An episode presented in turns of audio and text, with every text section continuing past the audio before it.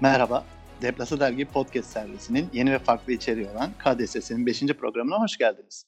Ben Cem Ağrı, Okumalı Köşesi yazarı, arkadaşım Emre Başar, yazı sorumlusu. Hazırsanız kültür fizik hareketlerimize başlıyoruz. Sevgili Emre, sahalara geri döndük. İşlerimiz dolayısıyla kısa bir mola vermiştik. Ee, yayınımıza tekrardan hoş geldin. Keyifler yerinde mi? Hoş bulduk. Keyifler yerinde. Ee, gerçekten dediğin gibi bir ara verdik ama ben her zaman senle bu programı yaparken heyecanlanıyorum. Şu anda da heyecanlıyım. Teşekkür ederim. O heyecan bende de sürekli bir halde. Ee, geçen süre zarfında bölümün temasını İspanya olarak biz belirledik. Sizlerin belki bildiği ya da ilk defa duyacağınız bilgilerle karşınızda olacağız. Şimdi İspanya hakkında ne biliyorsun sorusu sorulduğu zaman e, insanın aklına 3 aşağı 5 yukarı gelen şeyler belirli aslında. Nedir bunlar? Siesta, fiesta, domates festivali, boğa güreşleri ve flamenco. E, ben daha önce İspanya'da bulunmadım. Emre sen kısa bir gezi yapmıştın. Bu gezi hakkında bize bir şeyler söylemek ister misin? Yani aslında benim geziler birkaç tane gezim oldu İspanya tarafına ve e, çok da öyle uzun soluklu olmadı ama bu kısa kısa kısa yakaladığımız noktalardan aldığımız tat da belki de daha iyi oluyor. O yüzden ben ufakça bahsetmek istiyorum. E, hızlıca bahsetmek istiyorum hatta. E, yani tabii e, İspanya'ya bir baktığımızda İber Yarımadası. Burası yani merkezinde başkent e, Madrid var. E, şimdi kuzeye baktığınız zaman Biskay Körfezi'ne bakan tarafta Baskonya yani Bask bölgesi var. Böyle bölgelerle de ayırmışlar kendilerini. Bir ayrı ayrıkçılık da var. E, San Sebastian, Bilbao ve Victoria Gasteiz var orada. Bir aslında e, burada ben küçük üçgenlerden bahsetmek istiyorum. Zaten İspanya'nın spor konusuna da değineceğiz. Küçük üçgenleri severler. Onlar kattılar da diyebiliriz belki. E, oradan e, tabii Atlas Okyanusu'na da yani e, Portekiz'den kıyısı olan e, Galicia bölgesi var. Orada da Santiago de Compostela e, burası hac bölgesi belki biliyordur e. La Coruña ve Vigo var. E, o bölgeleri de e, eşimle hatta eşim o dönem hamileydi. Gezme şansı da bulmuştuk. Yani gerçekten ayrı tat aldığım yerler oldu. E, tabii orada göremediğim bir yer var. Körfezlerle de çevrili bu İspanya tabii ki. Cadiz Körfezi var. E, Cadiz sahilinde e, orada Malamadre'nin asisti yani daha doğrusu pasını asiste çeviremedim. Buraya da döneceğiz tabii de. E, şimdi Cem de gülüyor. Kadiz sahilinde bir bira içemedik mesela. Malamadre o kadar güzel anlatmıştı ki. E, o bir bizde kalsın. Umarım ileride her şey düzelirse onu da yapmak istiyorum. Orada da Kadiz, Sevilla, Malaga üçgeni var aslında. O bölgeyi göremedim. E, orayı şimdilik saklı tutuyorum. E, buradan tabii oradan e, Cebeli Tarık Boğazı'ndan o Atlas Okyanusu ve Akdeniz'i birbirine bağlıyor. Aslında e, şimdi Akdeniz'in oradan devam edersek Tenerife var e, Kanarya Adaları var. E, sonra Palma de Mallorca yani cennet aslında. Yani ülkemizin değerini bilemiyoruz. diyerek devam edeyim orada. Orada tabii Cebel Tarık Boğazı da İspanya ve Fas'ı birbirinden ayırıyor. Yani Atlas Okyanusu var, Fas var. İşte kendi Akdeniz'in zaten her türlü noktası var. Ee, böyle bir yer. Tabii orada Valencia Körfezi var. Ben oradan azıcık bahsetmek istiyorum. Ee, Valencia bölgesine de yine eşimle gitmiştim. Ee, orada bir basket maçı vardı Fenerbahçe ile Valencia'nın oynadığı. 15-0 başlamıştı hatta Fenerbahçe yani Fenerbahçe'nin tap oldu orada 3 dönem. Eşimle bir gitme şansı bulduk. E, deplasman tribününde yer aldık. Hatta orada olaylar falan da çıktı. Gelenler vardı. E, yine orada damgamızı vurduk aslında. bir sürü e, olaylar yaşanmıştı. Çok da ön plana çıkmadı. Tabii oranın yani mesela polisi bile olaya müdahale ederken sakince müdahale ediyor. Ortalığı germemeye çalışıyor. Gergin ortamı düşürmeye çalışıyor. Bizde tam tersi diye düşünebiliriz. E, oralar da heyecanlı bölgeler ama e, tabii orada yaşadığımız bir anı vardı eşimle. Onu da eşim bana bahsetmemi istedi. Yine hanımcılık kazanacak Volume 2. Volume 2. Onu hemen söyleyeyim. Gerçekten çok eğlenceliydi bizim için de.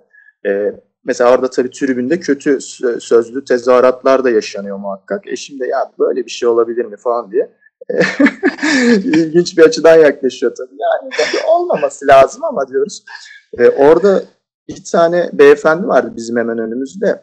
Böyle tezahürata katılırken hani güzel tezahüratlarda e, destek yapıyordu veya tezahüratı başlatıyordu mesela iyi bir şekilde. Bak bu beyefendi dedi ne kadar güzel doğru düzgün tezahürat yapıyor. Derken tak o saniyede beyefendi olmayacak inanılmaz bir işte kötü sözlü tezahürata bir girişti. Eşimle biz tabii birbirimize baktık yarıldık. Ve ertesi gün dönerken uçakta beyefendi business class. Oturmuş gazetesine bakıyor aynı beyefendi. Öyle ilginç bir anımız vardı. Bunu paylaşmak istedim hızlıca.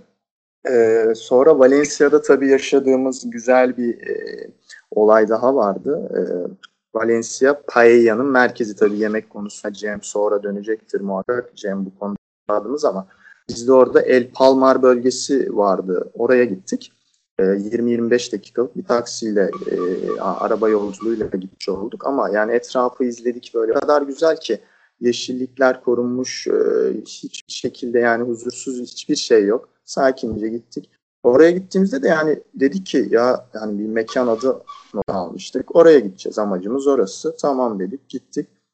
Yani bölge kasabada hiç incin top oynuyor. Ya dedik burası mı? Hani çok revaç tabii yani falan derken kapıyı açıp içeriye bir girdik. içeride hani boş yer yok. Tıklım Ve tıklım. İçeride çıt yokken içeride inanılmaz bir heyecanlı bir öğle yemeği yiyen bir kitle var.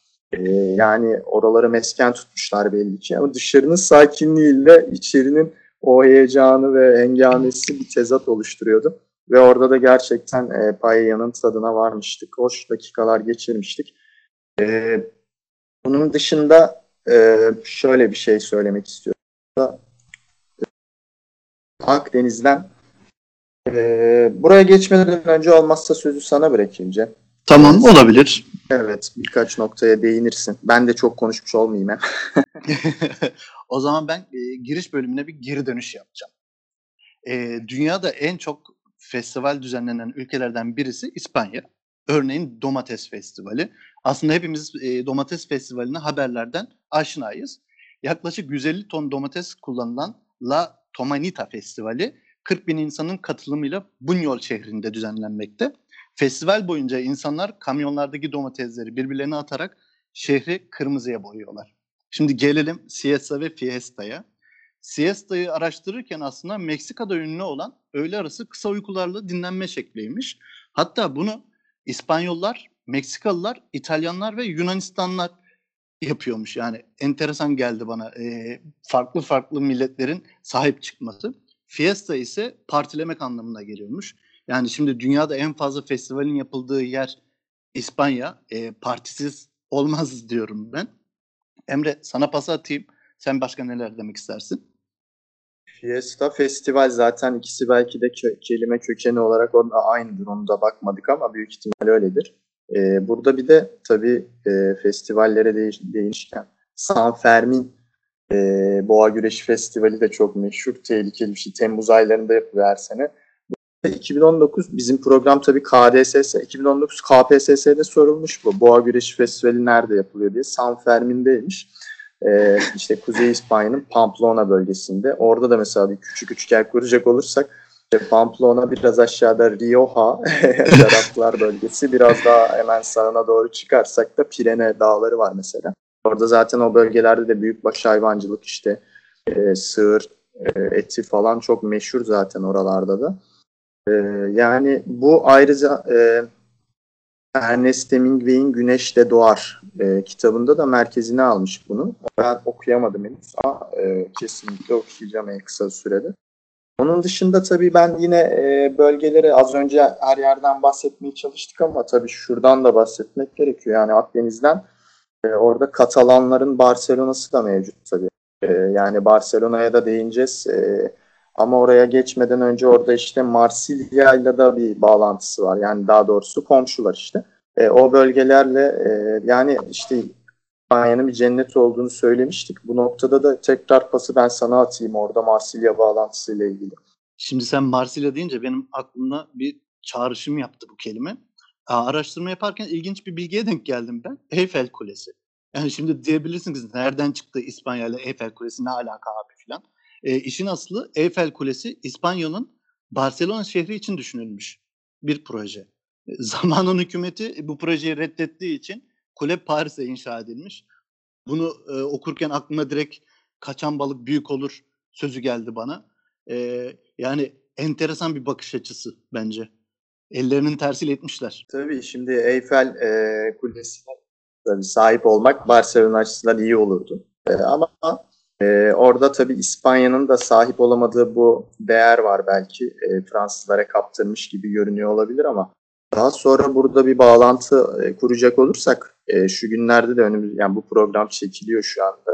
E, çekildiği zaman e, birkaç gün içinde başlayacak Roland Garros var. Roland Garros Fransa'da gerçekleşiyor ama Fransa'daki bu toprağın e, ağası, toprağın kralı e, bir İspanyol, e, Rafael Nadal. E, şimdi İspanya'daki tabii bu batıl inançlar da meşhur aslında yani her yerde vardır belki ama burada biraz daha fazla. Ve Nadal'ın da batıl inançları var. E, biraz obsesiflik boyutunda galiba bunlar ama e, bunu mesela hatta bayağı bir araştırıyorlar. Hani kendisi bir rahatsızlık mı yoksa değil mi? E, burada tabii psik- psikiyatrlar falan devreye giriyor. E, yani bu yaptığı hareketler işte çizgiye basmamak veya toprakta o çizgiyi devamlı düzeltmek, e, işte yürürken attığı adımları ona göre belirlemek, sularının e, işte etiketi nereye bakacak onu bile ayarlıyor Nadal. E, yani işte şortun düzeltmesi falan bile. Bunlar meşhur şeyler. E, hep dikkatimizi çeken şeyler. Ama bunlar insana da rahatsızlık verebilecek boyutta gibi görünüyor. Fakat burada psikiyatrlar da diyor ki hani kendisi böyle rahat ediyorsa bunu bu şekilde yapması gerekiyordur zaten. O yüzden buna engel ol, olmak ya da bunu hastalık olarak adletmek yanlıştır diyorlar. Evet, Nadal Başak Burcu olabilir mi? Valla öyleyse buradan kendime pay çıkarırım ama iyi anlamda. Kötü anlamda çıkarırım. ben de Başak. olabilir. Kesinlikle olabilir. Ee, sonra tabii e, yani Nadal'ın durumu bu şekilde. Roland Garros, e, Eyfel'le bağlantıyı da bu şekilde kurabiliriz. Ya şimdi e, İspanya denince akla bir de mimari de geliyor aslında. İspanya hem mimarisi hem de mimarları bakımından dünyaca ünlü bir ülke. İspanya İtalya'dan sonra UNESCO Dünya Mirası listesinde en fazla mimariye sahip ülke olarak gösteriliyormuş. Ee, bir gün İspanya'ya gitme fırsatı yakalarsam kesinlikle görmek istediğim bir eser var. La Sagrada Familia Katedrali. Yani Kutsal Aile Katedrali. Gaudi'nin Barcelona'nın en ünlü binası olarak gösteriliyor. Ee, Kutsal Ailenin bitmemiş bir tapınağı aslında. Emre sorum şu, siz geziniz esnasında katedrali görme şansı yakaladınız mı? Biz gördük. E, gerçekten La Sagrada Familia ihtişamlı e, bir ama yarım kalan bir bazilika. Yani bitmeyen kilise diyorlar zaten halk. Öyle de bir adı var. Gaudi öldüğü için o dönem yarım kalmış e, ve yıllar boyu uğraşıyor Gaudi. E, ve günümüz mimarları da günümüz teknolojisine uyarlayamadıkları için ne kadar çabalasalar da uyduramamışlar. Belki de bu nedenle bitmeyen kilise deniyor yani nedenle bitmeyen. 2026'larda falan bitmesi hedefleniyor ama belki de o zaman da bitmeyecek.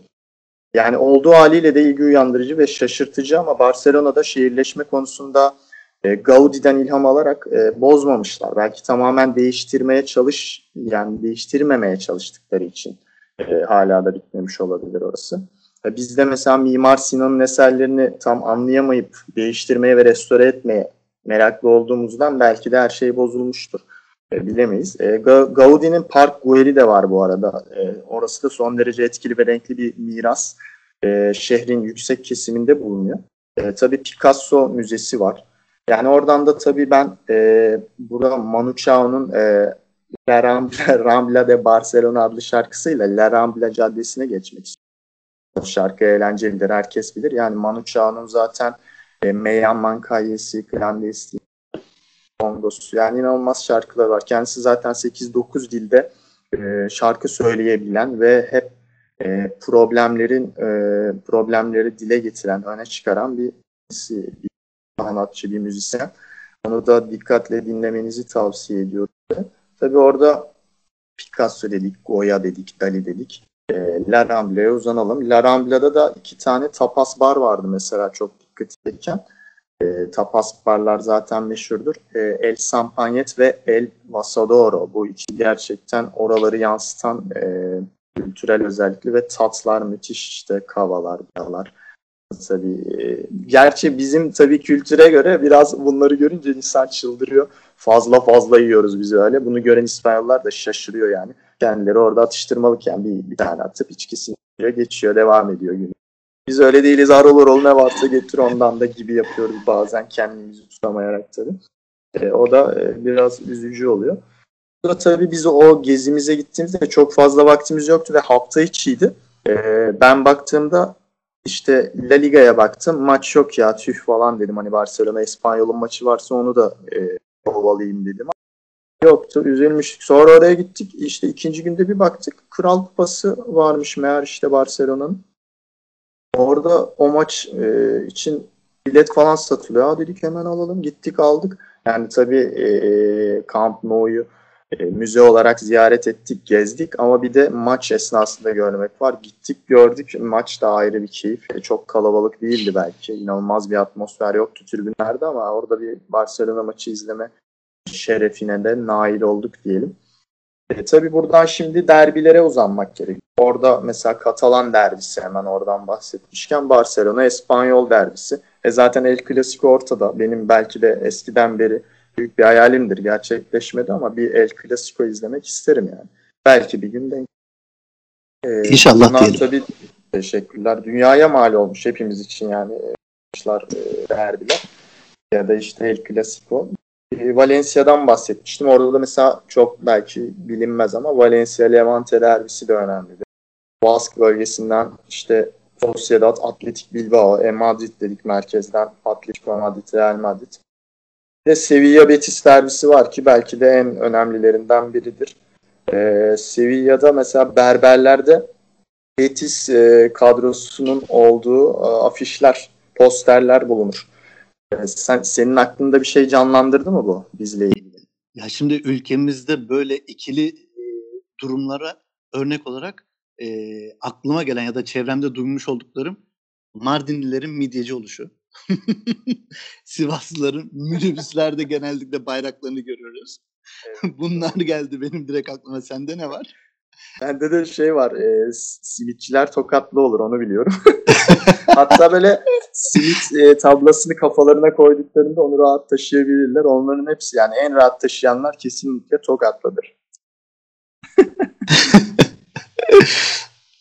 Şimdi e, İspanya ve spor başlığı altında birazcık e, giriş yapmışken ben e, sizi başka bir konuya getirmek istiyorum. Gerçekten çok değerli bir akademi. Bazılarının aklına çoktan geldi bile. Evet, La Masia. FC Barcelona'nın sahibi olduğu, Türkçe'ye çevirisini yaptığımız zaman çiftlik evi anlamına gelen bir yapı. Bizler La Masia'yı 2000'li yıllarda Barcelona'nın e, yetiştirdiği dünya ünlü futbolcular sayesinde tanıdık e, bu gelişim akademisini aslında tanıdık. E, ülkemizde de bir spor kulübü var bu felsefeye sahip olan. E, daha önceki konuşmalarımızda Emre sen bana hatırlatmıştın. Fakat şimdi bir de dinleyicilerimiz duysun istiyorum ben.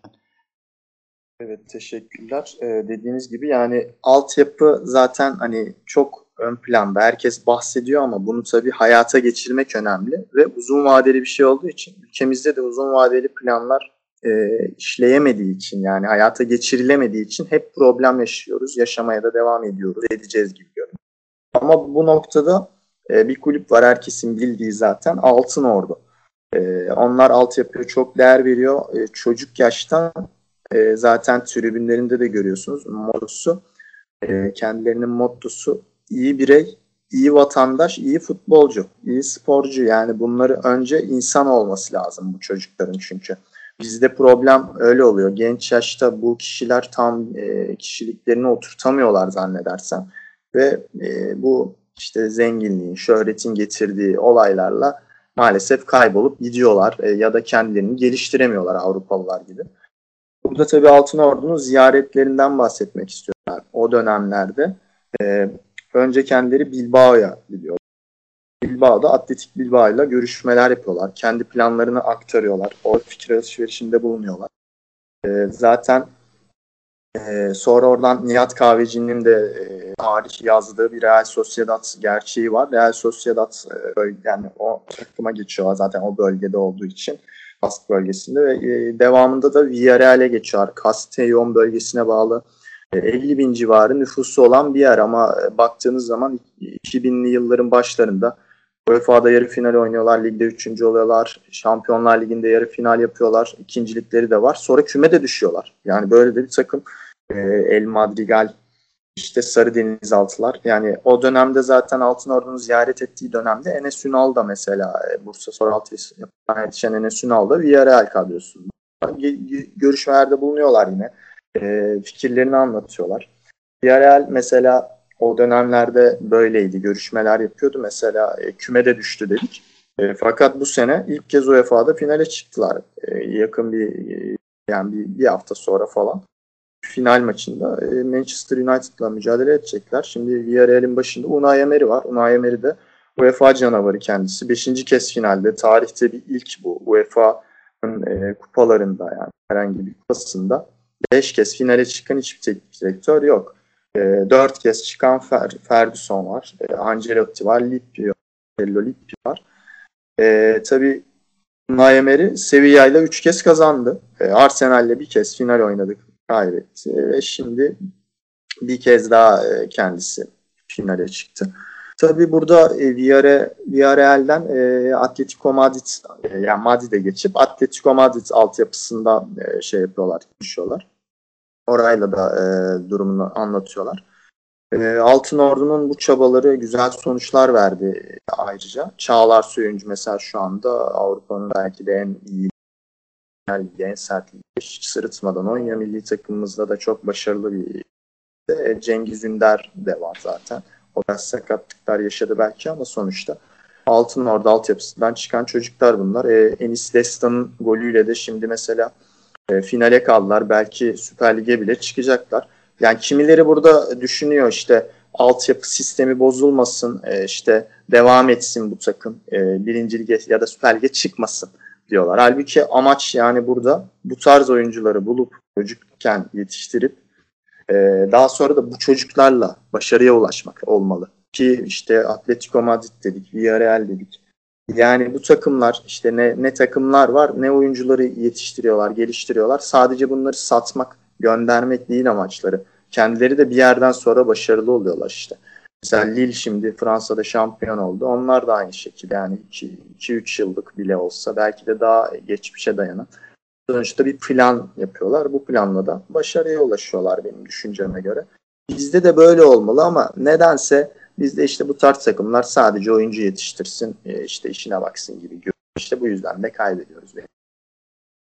Şimdi e, Lille'le bir e, parantez açmak gerekirse Campos 35 hatta 36 yaşına girmiş Burak Yılmaz transfer etti. Yani baktığın zaman çok büyük bir scouting transferi. Yani diyebilirsiniz 35 yaşında scouting olur mu? İşte örneğini verdiler. Ben Altın Ordu'ya da geri dönmek istiyorum. E, Samsun maçından sonra hatta e, yayına girmeden önce bir tweetle karşılaştım ben. Soyunma odasını aldıkları gibi tertemiz bırakıp geri dönmüşler. Evet. Ya bu ben çok önemli bir Aynısı. olay yani. Böyle bu çok olmuş. önemli bir olay. Emre e, gerçekten evet ben de hemen Altın Ordu ile ilgili e, o dediğin çok doğru. E, yani burada işte iyi birey olmak, iyi vatandaş olmak bunu gerektiriyor. Yani orayı kim bilir ne takımlar e, ne şekilde bırakıyorlardır. E, bu çocuklar da işte yarın öbür gün ya da ne zaman olursa olsun işte ailesiyle bir yere gittiğinde ya da eşiyle bir yere gittiğinde işte etrafına örnek olabilecek vaziyette davranır. Yani bir yerde bir pisliğini çöpe atmaz değil mi yani? Bunlar önemli olan şeyler bence. E, o yüzden insan, önce insan olmamız sonra başarıya ulaşırız zaten. Bir Altın Ordu'nun attığı tweetler e, de önemliydi paylaşımlar. Bence de vardı bir tane. E, orada da e, yani Samuel Beckett'ın lafına e, gönderme yapıyorlar. Zaten iki sene üst üste galiba e, gol averajıyla playoff'a giremiyorlar. Sonra bir sene biraz daha altta kalıyorlar ama bu sene bu sefer e, başarı... Şeytanın bacağını kırıyorlar. Orada diyorlar yani hani hep yenildin gene yenil daha iyi yenil diyor yani sonuçta. O felsefeyi benimsiyorlar. Yani yenilmek de bir çıkarım yapmak için önemlidir. Yani peşini bırakmamak önemli olan. Yani sonuna kadar gitmek en güzel şekliyle. Ee, şimdi e, İspanya sinemasına e, yönelmek istiyorum ben. E, İspanya sinemasını daha önce izlememiş olabilirseniz, ol, olama, olmayabilirsiniz. E, şimdi sizi Emre ile baş başa bırakacağım. Doyurucu bir bilgisel karşınızda olacak. Emre seni ilgiyle dinliyorum. Hiç gülme. Ee, senin film bilgin Derya Deniz bundan yararlamamız lazım. Hiç evet, gülme. Sağ ol abartıyorsun. Teşekkür ederim. Ee, senden de sonuçta görüyoruz, öğreniyoruz. Çevremizde gördüklerimizle ondan bir çıkarım yapıp devam etmeye çalışıyorum ben de kendi açımdan. Bu zaten benim de hoşuma gidiyor. E, almak ve vermek. E, o yüzden sana da teşekkür ediyorum. E, şimdi İspanya'da tabii 2000'lerde bir gerilim sinemasının e, ön plana çıkması e, söz konusu ama e, ben şimdi genel bir geçiş yapacak olursam uçlarda gezinmeyi sevenler için Pedro Almodovar, e, İspanya'nın yerli Uğur Yüceli kendisi. Tabii tip olarak öyle. e, işte Ciudad Real doğumlu mesela Alcazar yakınlarında böyle küçük bir yer yani Alcazar sineması da var. Belki bilirsiniz Beyoğlu'nda. Sonra tabii bütün sinemalarımız hepsi parçalandı, üzüntüleri söz. E, İspanya'da birçok yönetmen, birçok memleket ve nefis filmler var. Ben biraz işte geçmişe giderek sıralı şekilde ilerlemek istiyorum. Rio Meden var mesela. San Sebastian doğumlu. 93'te La Ardilla Roja diye bir film. Yani bu film tabii çok kişinin ön plana çıkardığı ya da yüksek puanlı bir film değil ama ben izlediğimde sadece beyin yani e, düşünceler, beynin içinde gelişenleri yansıtabildiği için yani yönetmeni çok başarılı bulmuştum. E, filmde gayet güzeldi. E, Alejandro Amenabar var. Kendisi Şilili. E, Santiago doğumlu ama e, annesi İspanyol. Pinochet rejiminden kaçıyorlar e, ve İspanya'ya geçiyorlar. Orada tabii yıllar geçiyor. 96'da Tez film yapıyor. Bu da ön plana çıkmıştı. 97'de Aç Gözlerini diye. E, bunlar biraz daha tabii e, aksiyonlu filmler ama 2004'te Mara Dentro diye bir film yapıyor. Yabancı film Oscar'ını alıyor tabii. Javier Bardem'in oynadığı. O da ilginç drama tarzı bir film olmuştu. E, bunları yapıyor. Sonra işte mesela burada Fernanda Leon diye bir var. 2002 yapımı. Tabii ben pası sana atacağım. E, attığım pasla kaleciyle karşı karşıya kalacaksın ama hangi kaleciyle oldu? Sen söyle. E, Yev Lashin. Los Lunes al Sol yani güneşli günler. Ee, kısaca bahsetmek gerekirse Fernando Leon filmi şu şekilde açıklıyor. Geçici bir iş bulmak umuduyla her gün kuyruklara giriyorlar. Bekleme odalarında zaman öldürüyorlar. Her gün doldurdukları ürkütücü başvuru, formlarını iyi tanıyorlar. Bir süredir izledikleri yolun yanlış olduğuna dair şüpheleri olsa da bu konuda konuşmuyorlar diyor. Hızlı kazanç peşindeki küresel ekonominin önemsenmesinden kapının önüne konduğu bir grup işsizin sistemin dar koridorlarında hayata açılan acil çıkış kapılarını aramasının hikayesi diyor. E, filmi izlerken sizdeki e, uyandırdığı e, düşünceler, e, yaşam biçimleri, işle ilgili insanların nasıl arayışlarda olduğu, e, hatta bir sahne var. E, bu çok akılda kalıyor insanların. E, bir e, binanın tepesinde maç izlemeye çalışıyorlar. Sahanın yarısı var, yarısı yok. Ona rağmen gol olduğu zaman o heyecanı paylaşabiliyorlar. Yani anın hatta hani carpe diem diyelim. O, o onu yakalamışlar yani ve e, bunu siz hissediyorsunuz izlerken. E, benim düşüncelerim bunlar. Emre e, sana devam etmen için fırsat veriyorum. Sende sıra. Teşekkür ederim. Ben de data çeviriyorum. devam edeyim. Ee, Enrique Urbizu var. Bilbao doğumlu. Bu da yönetmeni.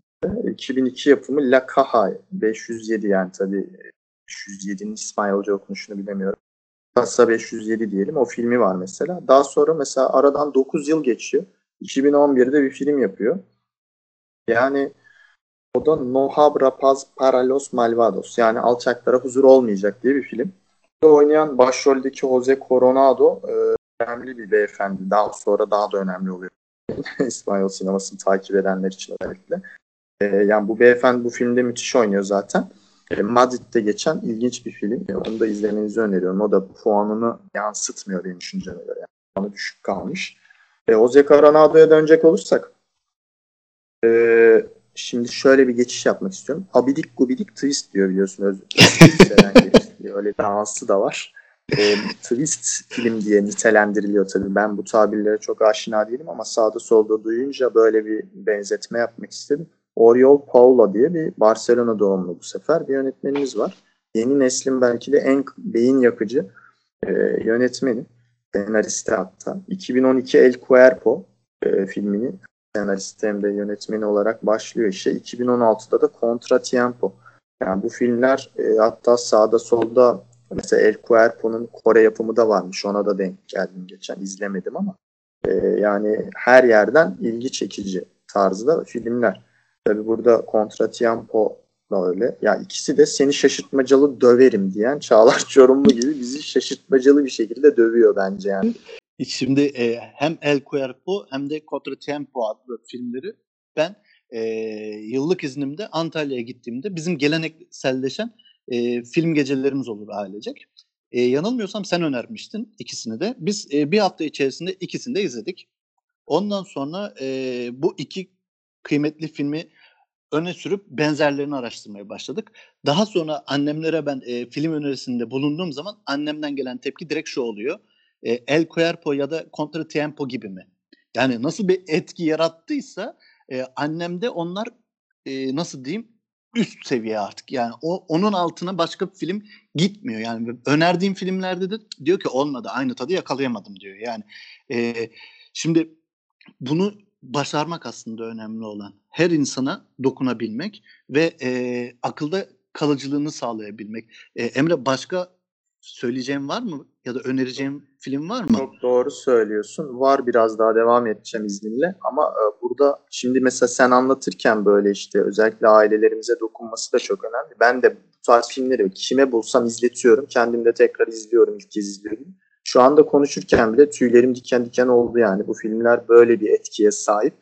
Ee, gerçekten dediğim gibi izleyiciyi yakalayan filmler. O yüzden bu tarz filmlerin artarak devam edebilmesi. Tabii böyle bir dönemde hani artık rahata biraz daha böyle düşünceye değil de görselliğe, e, bilim kurguya belki teknolojiye dayalı filmler yapıldığı için bu tarz filmleri bu dönemlerde yapmak daha da zor diye düşünüyorum. Hani 90'larda yapılan filmler sahip bu tarz belki düşünceye sevk eden filmler oluyordu ama şimdi öyle filmleri bulmak da zor. O yüzden bunu başarmak, bu dönemde başarmak daha önemli. 2000'lerin e, başına dönersek e, ben şöyle bir e, sinemada izlediğim ilk filme dokunmak istiyorum. İlk İspanyol filmine diyeyim. 2001 yapımı Intacto yani Bahis diye bir film. Juan Carlos Fresnadillo yönetmeni. Tenerife Herkes farklı yerde doğmuş gördüğümüz. Goya'da en iyi çıkış yapan yönetmen ödülünü almış bu filmde filme, filmden çok az bahsetmek istiyorum. Ben filmlerden böyle anlatmaya, yani nasıl bir film sorusu sorulduğunda bütün filmi anlatabilme özelliğine sahibim. onu biliyoruz, onu biliyoruz. kısaca geçmeye çalışayım. Ee, şimdi bir tane uçak düşerek film başlıyor zaten. Ee, bir tane de beyefendi gidiyor orada elinde dosyası. İşte başka biriyle buluşuyor. Ee, hemen onu yakalıyor diyor işte böyle ver diyor alıyor bir liste alıyor. Listede işte atıyorum 100 kişi ya da 150 kişi kaç kişi öldüyse ölenler var ama bir kişi kurtulmuş. O kurtulan kişiyi e, buluyor. Yani daha sonra gidiyor, araştırıyor, yakalıyor, alıyor. Bu tarz olayları kovalayan bir e, şirket bunlar. Ve daha sonra bu kişiler e, orada bu kazadan sağ kurtulduğu için şanslı aldıklarını düşündükleri için bir e, bahse e, tutuşturuyorlar bunları adeta. Ve o bahis e, içinde gidiyorlar. E, mesela altı şeritli gidişli gelişli bir otobandan e, ellerini bağlayarak karşıya koşmasını söylüyorlar, emrediyorlar. O da oradan geçerken ölür söylüyor, kalırsa kalıyor. Bunun gibi bahislere bir konu, bir olay. Yani bu film de işte yine beyni çalıştırıp insanı alıp farklı yerlere götüren bir filmdi. Öneriyorum. Hızlıca geçmeye çalışayım yine. Çok fazla oldu. Belki kafada karıştırıyor gibi oluyoruz ama El Metodo vardı. Bunun yönetmeni Arjantinli Pinheiro diye bir yönetmen. Arjantin, İspanya, İtalya ortak yapımı. İspanya'da geçiyor bir odanın içinde geçiyor. E, tiyatro oyunu uyarlaması. Bu Grenholm e, işte sendromu felsefesi diye geçiyor. O da ilginç bir film. E, gerçekle ütopya arasında beyin jimnastiği yapıyor izleyici yani bunu. E, Eduardo Noriega oynuyor. Meşhur bir oyuncu. Kendisini e, başka filmlerden de muhakkak hatırlarız. Görünce tanırız. E, Nova filmi vardı mesela Fransız Anna Muglalis'le meşhur güzel hanımefendi vardı. O çok ilginçti mesela. Belki bilmiyor olabilir insanlar ama hafıza kaybı yaşayan birini oynuyor orada da. E, Gonzalo Lopez Gallego var. E, Madrid'de doğmuş bir yönetmen. El Rey de la Montaña filmi vardı. O belki çok fazla ön planda ama o da güzeldi. E, bir de matematik tutkunları için bir film önerim var. Belki izlemişlerdir ama Kapan diye bir film. Habitación de Fermat. İspanyolcası da bu. Bunu yapan senarist ve yönetmen iki kişi. Ee, Luis Piedrahito. Xavi Prieto gibi geldi bana direkt. evet doğru benzer. Bu La Coruña doğumluymuş. Bask bölgesinden değil. De Gijón doğumlu Rodrigo Sopenya. Bu ikisi bir yapmışlar. Bu Piedrahito da aynı zamanda komedyen, sihirbaz, yazar, işte senarist, yönetmen. Yani ne ararsanız var bir kişide. Daha başka ne isterseniz bilmiyorum. Böyle insanlar yetiştirebiliyorlar işte. Var yine işte Mientras Duermes filmi var, Ölüm Uykusu. Yani ilk filmden Netflix yapımlarına girecek olursak zaten La Casa de Papel'e hiç değinmedik. Ben bahsedersem belki kızan bazı izleyiciler, dinleyiciler olur, işte insanlar olur. yani e, yine Netflix yapımlarından Harlan Coben'in Şantaj adlı kitabı var. Mesela Harlan Coben'in de böyle serileri var. E, Miron Bolitar serileri. Şantaj kitabını bir defa yapmışlar. Yine Oriol Paula'yla bu sefer Mario Casas ikisi bir e, o filmde yine bir aradalar. Ama ben gözümüzün nuruna geliyorum. Sona bıraktım onu. Asıl olayımız bu. Benim de Twitter'da e, işte arka plan fotoğrafımı süsler. Her zaman bahsederim. Malamadre'yi anmadan onun fotoğrafını görmeden paylaşmadan geçemem. Kimdir bu Malamadre diyenler varsa da e, Daniel Monzon diye Mallorca doğumlu bir yönetmen var. Bu yönetmenimiz de Fatih Erdemci gibi yani bir şarkı yaptı ben ölmeden önce diye ortadan kayboldu. Daniel Monzon, Monzon da ne yapmış yani 2009 yılında e, Selda 211, Hücre 211. E, 2010 İstanbul Film Festivali'nde izlemiştim onu da. Kadıköy'de gitmiştim. E, yanımda da bir hanımefendi vardı. Şimdi filmin sadece başını söylemiş olayım ama e, başında bir tane böyle zaten direkt öyle başlıyor film tek kesme sahnesi var. Yanındaki hanımefendi yaptı. Yani benim üstüme kusuyor teyze. Onu yaşamadık Allah'tan. Hani ama bir 5 dakikayı böyle bir geçtik işte baskı altında. İlk 5 dakikayı gol yemeden atlattık. Devamında güzel getirdik. Moldova defans yaptık. Neyse burada Luis Tosar e, Malamadre karakteriyle tam bir lider nasıl olur onu anlatıyor mükemmel bir şekilde izliyorsunuz. Heyecan bir saniye eksik olmuyor. Hapishanede geçiyor film. Hapishanede de gerçekten hapishanede olan karakterler kullanılmış. Ee, yani hapishanede gardiyan olarak başroldeki çocuk işe başlayacak. Ee, ve bir gün önceden gidiyor oryantasyon için iyi bir izlenim bırakmak adına. Eşi de hamile. Fakat gittiği gün hapishanede isyan çıkıyor. Devam etmeyeceğim öyle bakma. Her şeyi bütün filmi anlatmayacağım. Öyle işte neyse e, o filmi de yani izlemeyen bir kişi varsa kalmasın yani bence öyle bir film. Yani herkesin izlemesi. Ben de biraz bu filmden bahsetmek istiyorum. Ya filmde e, belli başlı replikler var. Aklınıza kazınıyor. E, şimdi nokta noktalı kısımların çok olduğu için söyleyemiyorum ama yani e, hatta e, hükümlülerinden birinin ses tonu böyle çok hem kalın hem de böyle bir cırtlıyor yani konuşurken. Evet. Muhakkak izlerken beni söylediklerimde aklınıza gelsin diyorum. Çünkü yani o e, filmin en can alıcı yerlerinden biri bence o adamın konuşma sahneleri. Aklınıza mıh gibi yapışıyor yani hiç çıkmıyor. E, Emre e, programın sonuna geldik. geldik. Aynen öyle. Güzel geldik evet. Ee, şimdi e, programı kapatırken ben İspanya mutfağının önde gelen birkaç yemek önerisini sunmak istiyorum. Tabii ki reçete değil. Yani e, o saatler sürebilir.